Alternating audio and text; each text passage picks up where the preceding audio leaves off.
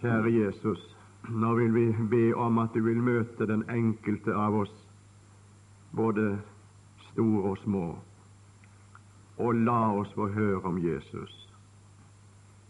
Og La oss ikke bare få høre om Jesus, men la oss få lov å få nytte av det vi hører om Jesus. I denne stund også de minste som er kommet hit til møtet i ettermiddag. Takk fordi du elsker oss alle sammen slik at du gikk i døden for oss, og du ble oppreist fra graven for oss, og du lever i himmelen for oss, og du vil ha oss hjem til deg. Takk, takk, Jesus, for dette er sant for alle som er her i bedehuset på Åkerhavn i ettermiddag. For alle mennesker. Jeg vil vi be om å få nåde til å si noe, Herre, som kan bli til gagn for den enkelte av oss om det var noen som kunne få ta imot det for første gang og bli frelst ved det i dag. Så får du oppbygge vårt gudsliv, Herre, det nye livet du har skapt i oss ved det vi skal forkynne, slik at det blir til vokster i vårt kristenliv. Amen.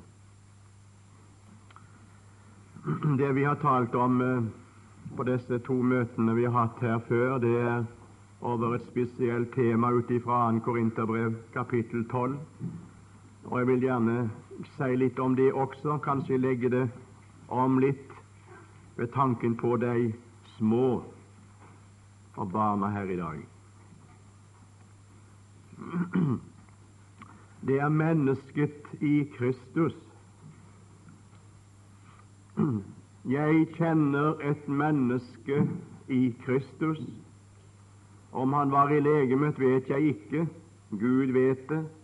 En som for 14 år siden ble rykket like inn i den tredje himmel. Og jeg kjenner dette mennesket, om han var i legeme eller utenfor legeme, vet jeg ikke. Gud vet det. Amen.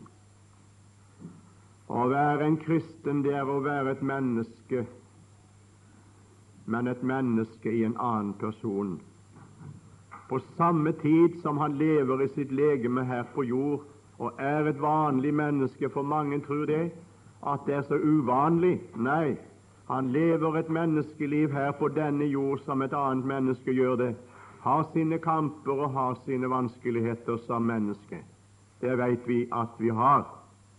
Men innenfor Gud er vi i Kristus Jesus et menneske i Kristus Jesus.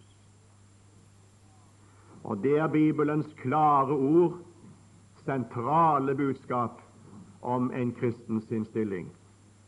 Det har vi sagt og har vi pekt på. Å være en kristen er å være et menneske i Kristus, og slik skal vi ut ifra Skriftens ord og ved Den hellige ånds hjelp få lære oss sjøl å kjenne kjenner du. Og jeg blir så glad når jeg får lov å tale om det. Jeg trenger det hver eneste dag. Å kunne få lov å gå inn i min bibel og få lese om disse tingene og få si det til meg sjøl. Ikke alltid jeg føler det like godt, men det står der likevel. Og det er som han sier, Abraham Thomsen, i sangen sin at det som er skriftlig, det kan ikke påvirkes med følelser. Om følelsene er dårlige, så kan ikke den påvirke. Det står likevel, for jeg har det skriftlig. Har det skriftlig. Og det er godt å kunne få lov til å gå inn i sin, i sin bibel og så få finne det dag etter dag. Om jeg er oppe på tabor, dvs. Si om det er lyst og lett og godt, eller synes det er tunge mørkedager, så er min stilling stabil i Kristus Jesus. Og vi må ikke blande sammen, blande sammen stilling og tilstand. En direktør han er jo direktør om han har vondt i hodet en dag og ikke føler at han er direktør. Han, han har det akkurat den samme stillingen om han, om han føler seg langt, langt borte fra skrivebordet og fra arbeidet og fra alt sammen. En kristen han er like mye en kristen den dagen han ikke føler det, så den dagen han kan si halleluja, prise Gud, det er godt å være frelst.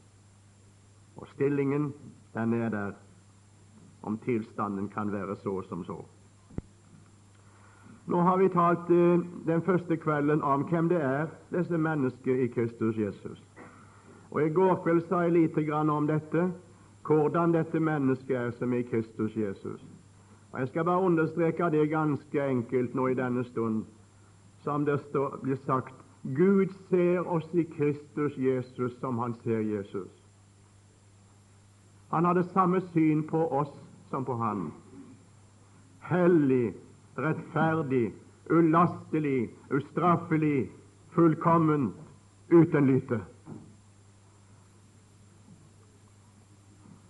Og om det gikk opp for oss, så er det sannelig så stort at jeg kan nesten være enig med Martin Luther, som skal ha sagt en gang, at hvis det gikk opp for de kristne hvor stort det var å være frelst, så ville de dø av glede. For det er noe kolossalt. Tenk at jeg som står her med alle mine vanskeligheter og alt det som jeg har som menneske, er i denne stund sett på av Gud som om jeg aldri hadde synda, fordi jeg er i Kristus. Ren og rettferdig, himmelen verdig, er jeg i verdens frelser just nå. Han utvalgte oss i Kristus før verdens grunnvoll ble lagt, nettopp ved tanken på det for at vi skulle være hellige, ulastelige og ustraffelige for hans åsyn. Å nei og nei, så er vi en ny stamfar, plassert. Vi tilhører den gamle. Vi har den gamle naturen også, men, den tilhører ikke oss egentlig. Og vi tilhører ikke den, enda vi har den. Det er ikke vår identitet lenger. Det er ikke vårt ego, ego lenger. Det er ikke mitt jeg lenger. For det er en ny person som er kommet inn i bildet. Og nå har jeg fått en ny natur fra en ny Adam. Og det er den siste Adam som nå jeg skal få lov å regne min eksistens innenfor Gud for. Det talte vi litt om i går. Nå ei lita stund her i ettermiddag, noen få minutter, vil jeg gjerne få lov å si litt om det tredje, nemlig hva dette mennesket i Kristus er. Og det er en vidunderlig sak, og mange ting vi kunne tale om. Jeg vil gjerne få lov å peke på en viktig side ut ifra Skriften om det. Hva men, dette mennesket i Kristus er for Gud og for Jesus. For det er ikke bare det at vi er i Han, men vi er i Han med en spesiell hensikt. Og Kristus, han ikke bare tar oss inn til seg, men han har sagt også i sitt ord at vi nå i Han er i en ny stilling. En ny stilling. Og nå skal vi se litt på det. Det er mange ting vi kunne tale om. Det å være en kristen, det å være i Kristus, det er å være et barn av Gud. Det kunne vi talt om. Og nei og nei, tenk at vi er likestillet med Kristus i barneforholdet til Gud. Når hva og skader vi kan få tronen gå og sie Fader, ditt barn du hjelper må. Alle som tok imot Jesus, gav han rett til å bli Guds barn, som tror på hans navn. Og det var barnekåret som Gud hadde i tanken han sendte Jesus. Bare legg merke til at han det står i Efeserbrevet 2, Efeserbrevet 1 han utvalgte oss i Kristus før verdens grunnvoll ble lagt, og forutbestemte oss til å få barnekåret seg ved Jesus Kristus. Det er veldige ting. Og nei og nei. Eller Galaterbrevet 4. Da tidens fylde utsendte Gud sin sønn, født av en kvinne, født under loven, for at han skulle kjøpe den fri som var under loven, for at vi skulle få barnekår. Og vi er barn. Ja, Johannes han sier det i sitt første brev og tredje kapittel. Se hvor stor kjærlighet Faderen har vist oss, at vi skal kalles Guds barn, og det er vi. Kan du si det? Det er vi. Derfor kjenner verden ikke oss, fordi den ikke kjenner Han. Mine kjære, Nå er vi Guds barn. Det kunne vi talt om. Og Vi kunne talt om også det at det å være i Kristus Jesus, et menneske i Kristus Jesus, det er å være en bolig for Den hellige ånd. Det taler også Bibelen om. Kristus og Faderen ved Den hellige ånd tar bolig. Og Derfor sier Jesus det slik når han taler om det i Johannes 16, så sier han at vi skal komme til ham og ta vår bolig hos ham. Et tempel taler apostelen om. En kristen det være tempel for Den hellige ånd. Tempel, Guds tempel.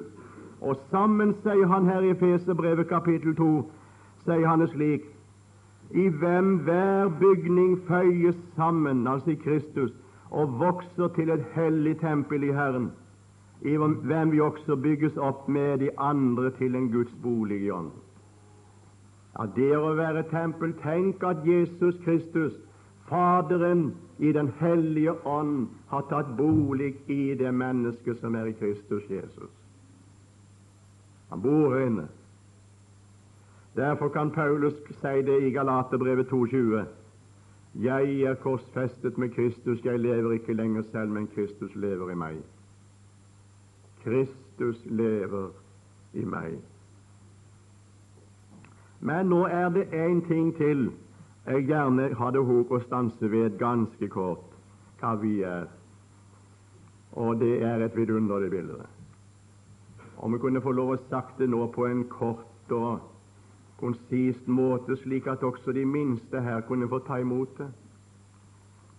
Det å være en kristen, det er å, være et menneske i Kristus, er å ha samfunn med Jesus på en slik måte som hode og legeme. Det er det vidunderlige bildet.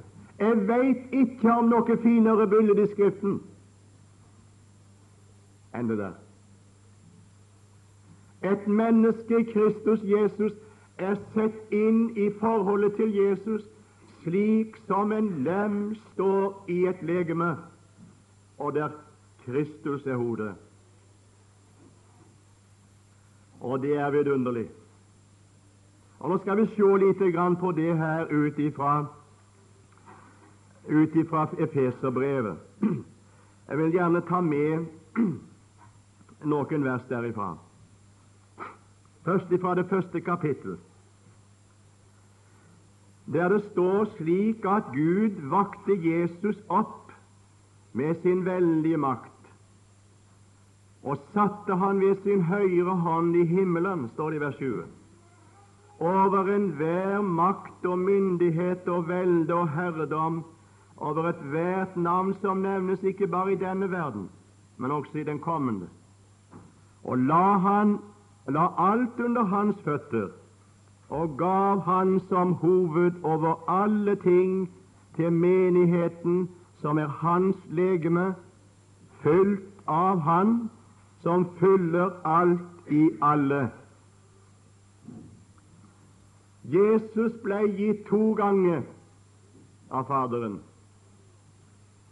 Han ble gitt av Faderen til frelse for hele verden. Så elsket Gud verden at han gav, for at vi skulle bli frelst ved hans død og ved hans oppstandelse. Gitt for våre overtredelser, oppreist til vår rettferdiggjørelse. Men når han var oppreist fra de døde ved Guds veldige makt og myndighet, så satte Gud Kristus over enhver makt og myndighet og velde og herredom. Og når han det hadde gjort, så sa han dette, denne personen skal tilhøre menigheten. Han la alt under hans føtter og gav han over til oss, over til menigheten, for at han skulle være menighetens hode, og vi skulle være hans legeme. Er vidunderlig bilde. Og så heter det 'fylt av Han som fyller alt i alle'. Det er ikke sant i at en, at det er noen som har fått så mye, og andre har fått så mye, og andre har fått så mye av Kristus. Det er ikke grader. Det er ikke en førstegrads og annengrads og tredjegrads kristen når det gjelder forholdet til Gud i Kristus. Utrustningen den kan være forskjellig. Det vet vi. Men livet og frelsen og nåden og alt det som er i Kristus Jesus, det er fylt av Han som fyller alt i alle. Det finnes ikke én som har mer av Jesus og mindre av Jesus, men plassen i våre liv for at Han kan få komme til, det kan være forskjellig, det vet vi, ettersom vi ikke slipper Han til i våre liv. Men vi har hele Jesus. Og kan jeg få lov å si dere det, venner, i Åkerhavn i ettermiddag Det mennesket som åpner seg for Kristus og for Hans evangelium, for hele Kristus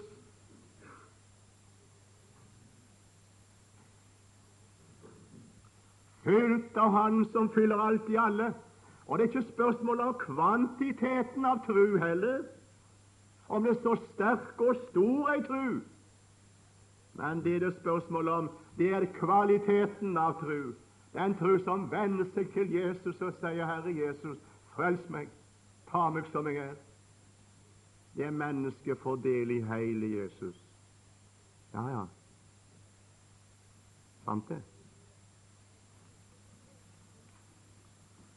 Du husker sikkert Karsten Line når han var rundt omkring og talte.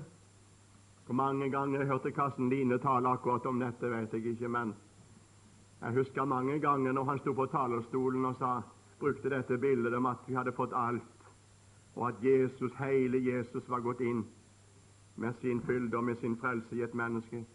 Det husker jeg mange ganger han sa om noen banker på min dør hjemme og spør, og så kommer kona mi ut og så spør vedkommende bor Karsten Line her inne. Så svarer kona mi ja, han bor her. Men sett nå, sa Karsten, at da vedkommende der ute på trappa sa bor hele Karsten her? Da ville, den som, da ville kona mi si det var et underlig, et underlig spørsmål. Bor hele Karsten Line her? Dere hørte sikkert gjerne dere også når han talte om det. Det er selvsagt at hele personen bor der inne fylt av Han som fyller alt i alle. Og så er vi inne på dette som er det vidunderlige temaet, synes jeg, fra Efeserbrevet kapittel 5, der det så klart og tydelig tales om Jesu forhold til sine lemmer, Jesu forhold til sin menighet. Vi tilhører Jesus som lemmene tilhører legemet. Kristus er hodet. Og Jeg vil gjerne få lov å understreke det at det er i grunn på hodet vi kjennes.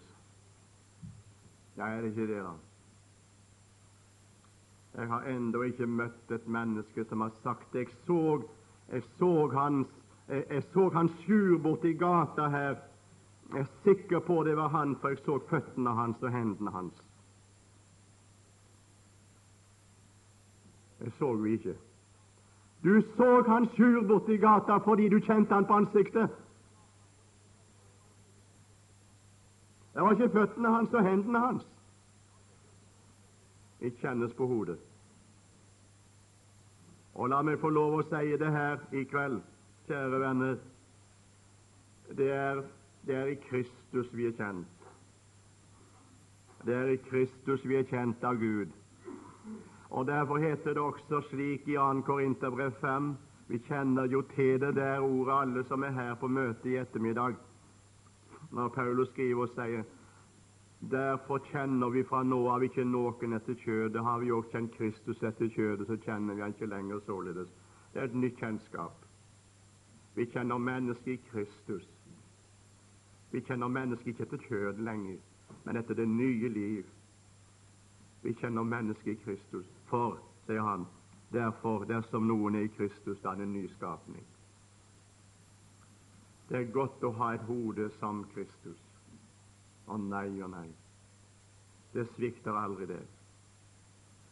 Det er herlig å kunne få lov å ha en, en som, som har omsorg for hele legemet, har alle, alle ting under kontroll. Av og til så svikter min, min tanke, av og til så svikter minnet. Av og til så svikter jeg så på så mange felter. Hodet det er så trøtt, jeg kan ikke tenke lenger. Jeg glemmer mange ting, og jeg kan glemme mine kjære også i visse situasjoner, for jeg er trøtt. Men det hodet som er Kristus, glemmer aldri. Aldri. Tenker alltid like klar. Alltid like mye opptatt med legemet. Alltid like mye opptatt med farene for legemet, for å gå utenom. Orienterende, rettledende, veivisende, og med visdom leder sin leg, sitt legeme gjennom en vond og farlig verden. Kristus mitt hode. Å nei, hvor godt å, å ha det. Et legeme kan ikke klare seg uten hodet. Uten hodet så er det ingen, er det ikke legeme. Og vi kan ikke klare oss uten Kristus. Det er Han som er hovedet for legemet, som er menigheten, fylt av Han som fyller alt i alle. Og Så vil jeg ta frem en to-tre ting her. Fra Efeserbrevet kapittel 5. Der står det slik I hustruer underordne eder, eder, eder under eders egne menn som under Herren. For mannen er hustruens hode, liksom Kristus er menighetens hode, han som er sitt legemes frelser. Det er vidunderlig å kunne vite det at han er sitt legemes frelser. Han tenker på frelse for sin menighet. Og han sa det en gang, de hermedete Per Nordsletten. Han talte jo en del om dette, har skrevet visst en sang også akkurat om dette med, med Kristus som hode og menigheten som legeme. Han skal ha sagt det en gang at så lenge så hodet er over vannet, så kan legemet bli berga. Og nå skulle jeg få lov å si det. Så lenge som Kristus er i himmelen, er det håp at menigheten skal komme dit. Ja, men skal han komme ut av himmelen noen gang? Og langt ifra. Han har satt seg der. Han har satt seg der. Og han sitter ved Faderens høyre hånd inntil den dag han reiser seg for å gå til skydekket og rope til seg den frelste skare, menigheten som er hans brudeskare, til bryllup i himmelen. Stefanus han så himmelen åpnet, sa han, når steinene hagla der omkring han og traff han både i hodet og i magen og i brystet hvor det var henne. Så løftet han blikket mot himmelen, og så sa han, nå ser jeg himmelen åpnet, og menneskesønnen står ved Guds høyre hånd. Hadde han reist seg for å ta imot det første blodvitnet. Han skal reise seg snart igjen. Men ikke for å stå der for å ta imot en sjel, en martyr, men reise seg for å gå ifra sin stilling ned til skydekket og roper ut fra gravene de døde og roper alle sine til seg. Vi skal rykkes i skyer opp i luften for å møte Herren, og så skal vi alltid være med Herren. Det er trøstens ord. Er sitt legemes frelse. Og skulle få lov å si dere det i dag som det avsluttende her Han er jo interessert i Jesus, at alle lemmene skal være med. Alle sammen. Der jeg, jeg har en liten fing. det har du også. Du har to små fingre. Men nå vil jeg spørre dere barn også. Kan du unnvære en av disse? Du har jo, du har jo fire andre sterkere, men den der er ikke så nøye om du mister den. vel. Han er så liten, det er ingenting med han. De andre er, er sterkere og større og kraftigere, men det er ikke noen ting. Kan jeg få lov å si det er ingen Hvis jeg gikk ned og spurte dere, kan dere unnvære en av fingrene? Kan jeg få en av dem? Du bryr deg vel ikke om han? Så vil du sikkert svare nei. Nei, jeg må, nei da, nei da. Ikke tale om! Kan jeg få lov å hilse deg fra Jesus og si deg at den minste lemmen så vel som den sterkeste lemmen vil han ha til seg i himmelen. Og nei, hvor stort å vite han er sitt legemes frelse. Og så er det andre. I menn elsket oss hustruer liksom Kristus elsket menigheten og gav seg selv for den, for å hellige den, idet han renset den ved vannbad i ordet. Renset den. Det er noen av oss som hører det av og til, kanskje, det er noen som sier det også, at vi hver eneste dag må renses på nytt igjen, slik som det ble rensa første gangen. Er det ikke riktig å si det at hjertet er så ureint hver eneste dag at nå må det renses på nytt igjen som det var rensa første gang? Hva sa Simon Peter når Jesus ville vaske føttene hans? Så sa Simon Peter nei, for er det slik at hvis, ikke, får, hvis ikke du vasker føttene mine, har jeg ikke del med deg. Så får du vaske både hodet og hendene og hele kroppen. Nei, stopp her, sa Jesus.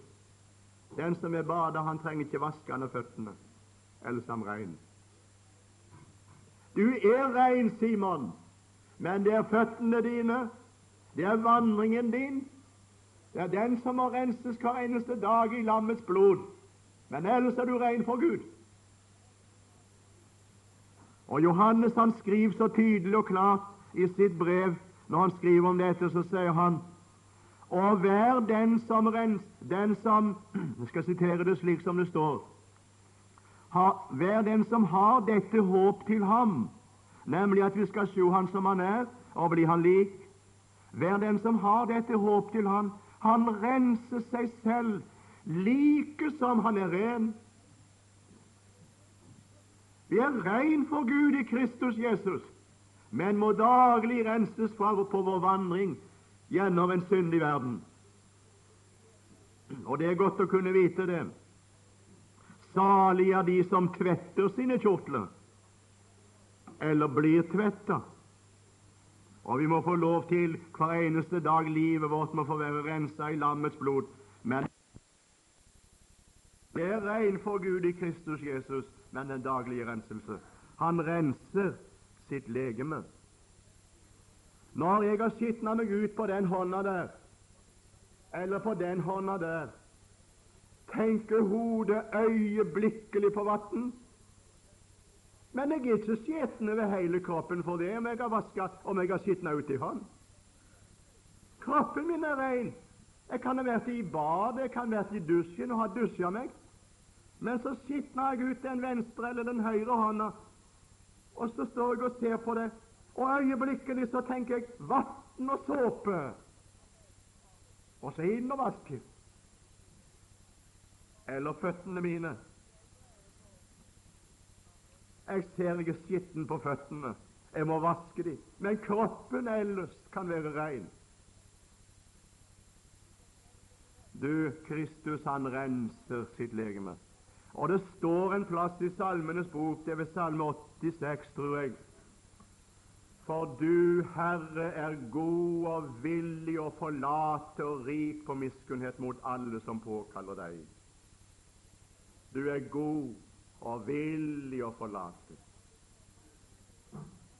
Godt å vite det at han renser sitt legeme. Han renser sine lemmer. Han vil ha en rein kropp, og det er en ære for Herren å skjule en sak. Slik står det i den gamle bok. Salig er den hvis overtredelse er forlatt og hvis synd er skjult. Herren vil gjerne skjule det. Han vil rense. Og det er en ære for Han å ha et rent legeme. Renser dem ved vannbadet i Ordet. Det er troen på evangeliet, forsoningen, frelsen og blodet. For at han selv kunne fremstille menigheten for seg i herlighet, uten plett eller rynke eller noe sådant, men at den kunne være hellig og lastelig. Så er da mennene skyldige å elske sine hustruer som sine egne legemer. Den som elsker sin hustru, elsker seg selv. Ingen har jo hatet sitt eget legeme, men han fører og varmer det, liksom Kristus gjør med menigheten, for vi hans legemes lem. En dag jeg var inne i Førde, det er en tid siden nå, ja, det er noen år siden òg.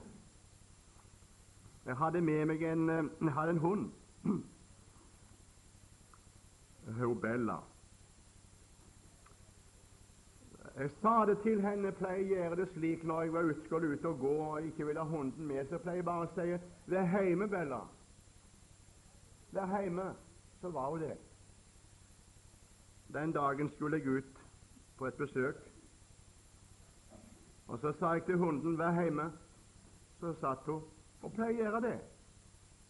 Satt hjemme til jeg kom tilbake. Men takk skal du ha, den dagen var hun ulydig og det kosta i grunnen henne livet hennes. Uh, den, og når jeg kom dit som jeg skulle, så satt hun og logra med halen og kom før meg. Å nei og nei, Bella, sa jeg. Da var du ulydig. Gå hjem. Du skulle ikke være med. Hun var kommet før meg ned på den plassen som jeg skulle til. Antagelig hadde hun anelse om hvor det var. Iallfall, hun var kommet. Og så visste vi ikke ordet av, for det, jeg hørte et forferdelig gjøying bakom meg, og så kom der en svær sjefe og tok og beit over halsen på hunden min, så å si at han var nesten ferdig. Det var resultatet av at hun var ulydig. Jeg skulle prøve å skille disse to. Jeg skulle jo aldri gjort det, vet du. Men jeg, hadde, jeg, var, så, jeg var, så, redd, og jeg var, jeg var, så glad i hunden min at jeg, jeg må prøve å berge han fra dette udyret her. Og så fikk jeg sannelig smake det sjøl. Den fingeren der, den fikk sannelig smake det. Jeg, det skjedde på et øyeblikk at hunden glefste der og tok alt som var både kjøtt og, og skinn og alt. Og så sto det bare et beinstubbe opp der. Må ikke besvime.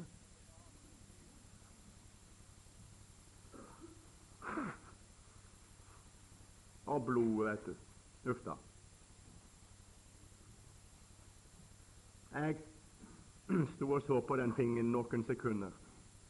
Så tenkte jeg doktor, doktor, jeg må springe. Da var det heldigvis bare fem minutter opp til doktoren. Jeg fikk komme inn foran alle som satt på venteværelset, selvsagt. Fikk en sprøyte, fikk penicillin. Så sa han det er jo farlig å bli bitt av en hund. kan ikke få hundegalskap, sa han. Jeg syns det var nok eh, å svare høyere ord, jeg. Hundegalskap. Nok om det. Det var aldeles forferdelig, vet du. Mens jeg eh, stod, han holdt på med den fingen og arbeidet med den, så, så talte han til meg, den fingen. Ja, du er vel like, like hendt om meg nå, vel? Nei. Ja, men jeg ser jo så stygg ut, jeg kan aldri bli skikkelig mer. Han er blitt det, du kan ikke se forskjell. Ja, du kan bare le. Ja. Kan du ikke kan ikke ta og amputere han. Ta meg vekk, jeg er så stygg, jeg passer ikke sammen med de andre lenger.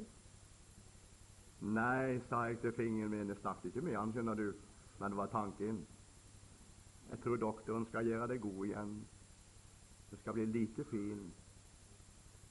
Nå har vi bandasje på. Skal vi se. Så gikk jeg da noen måneder med den fingeren. Den talte både dag og natt til meg, skjønner du. Alltid var jeg borte med ham. Ah, Jeg er sikker på om den ikke hadde hatt bandasje på, så hadde jeg aldri vært borte med ham på den måten. Men da var jeg alltid i veien. Den var alltid borte med ham. Og så smerta det like inn i hjertet på meg, og så gjorde jeg slik. Åh, jeg kan ikke unnvære deg om du er aldri så vond. Om du har skada deg, og du, du, kunne jo holdt deg borte fra den hundekjeften. Skulle ikke gjort det. Jeg er så glad fordi at det var en som tok seg av meg en dag, og har tatt seg av meg igjen og igjen og sagt det til meg, Henrik, jeg vil ha deg til himmelen. Det hender av og til at også vi er utenfor et eller annet og skader oss, men allikevel han tar seg av oss.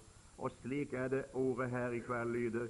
Han før og varmer det, liksom Kristus gjør ved menigheten. Med andre ord, han tar seg av den lemmen som frys, den lemmen som har det vanskelig.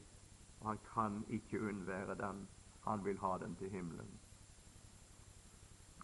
Og så skal jeg slutte én ting til. Og Det er det som forestår nå, kjære venner. Det som var på Viavåg i formiddag. Fikk jo høre det ordet. Hvor mye jeg fikk sagt om det, det er en annen ting, men eh, jeg tror at eh, bryllupsdagen den er så nær, så nær, at jeg tror sannelig om jeg ikke tar munnen for full, så tror jeg det at det er bakom den neste sving. Bryllupet, ja. Jeg tror det er så nær, så nær. Lammets bryllup. Da han skal få sin menighet til seg, som er sammenlignet med et, en brud, en hustru. Vi er trolova med Kristus nå. Men trolovelsestiden, den ebber snart ut, og så skal vi forenes med Han. Skal vi lese fra Efeserbrevet igjen, kapittel 5. Derfor skal mannen forlate far og mor og holde seg til sin hustru, og de to skal være ett kjød. Denne hemmelighet er stor, men jeg tenker hermed på Kristus og på menigheten. Da skulle vi hatt ei uke og talt om den hemmelighet.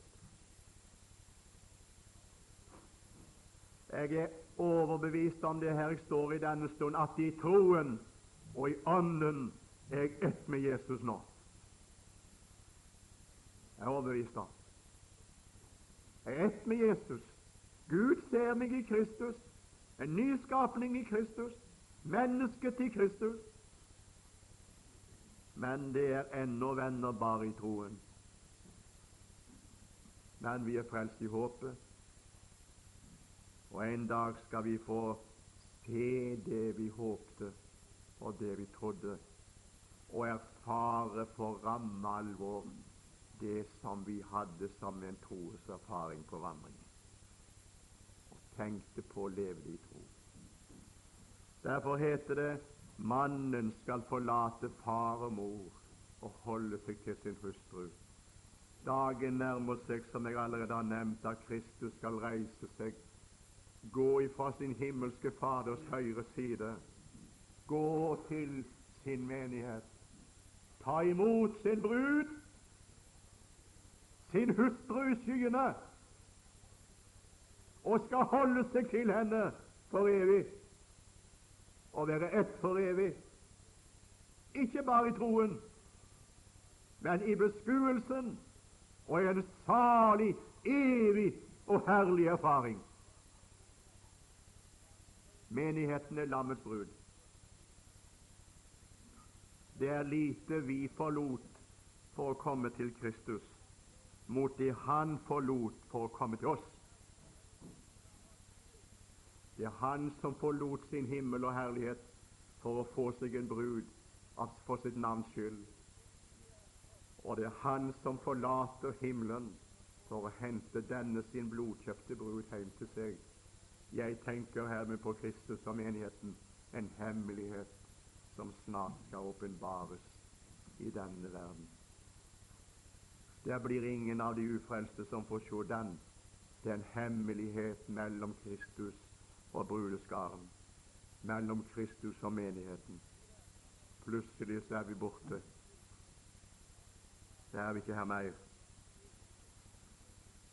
For Herren har rykt oss til seg i sin herlighet. Jeg kjenner et menneske i Kristus. Å, hvor godt å være det mennesket. Ai, nei. Om du forsto det, min ufrelste venn, hvor godt det var å være frelst. Er en kristen. Herre Jesus til, så ville du komme. Herre Jesus. Du som kjenner alles hjerter, kjenner også denne forsamlings hjerte. Du kjenner den enkelte. Og du veit, Herre, om vi alle som er samla i Åkra bedehus i kveld, er mennesker i Kristus Jesus. Nye skapninger for Gud. Lemmer på Kristi legeme. Du kjenner jo lemmene dine. Og er det mulig, Jesus, at det kunne være en som kunne få komme for første gang og bli en slik lem? Kom i dette livssamfunnet med deg, Jesus. Kom inn i menigheten, en levende menighet, og bli ett med deg. Herre, velsign møtet videre og avslutningen. Amen.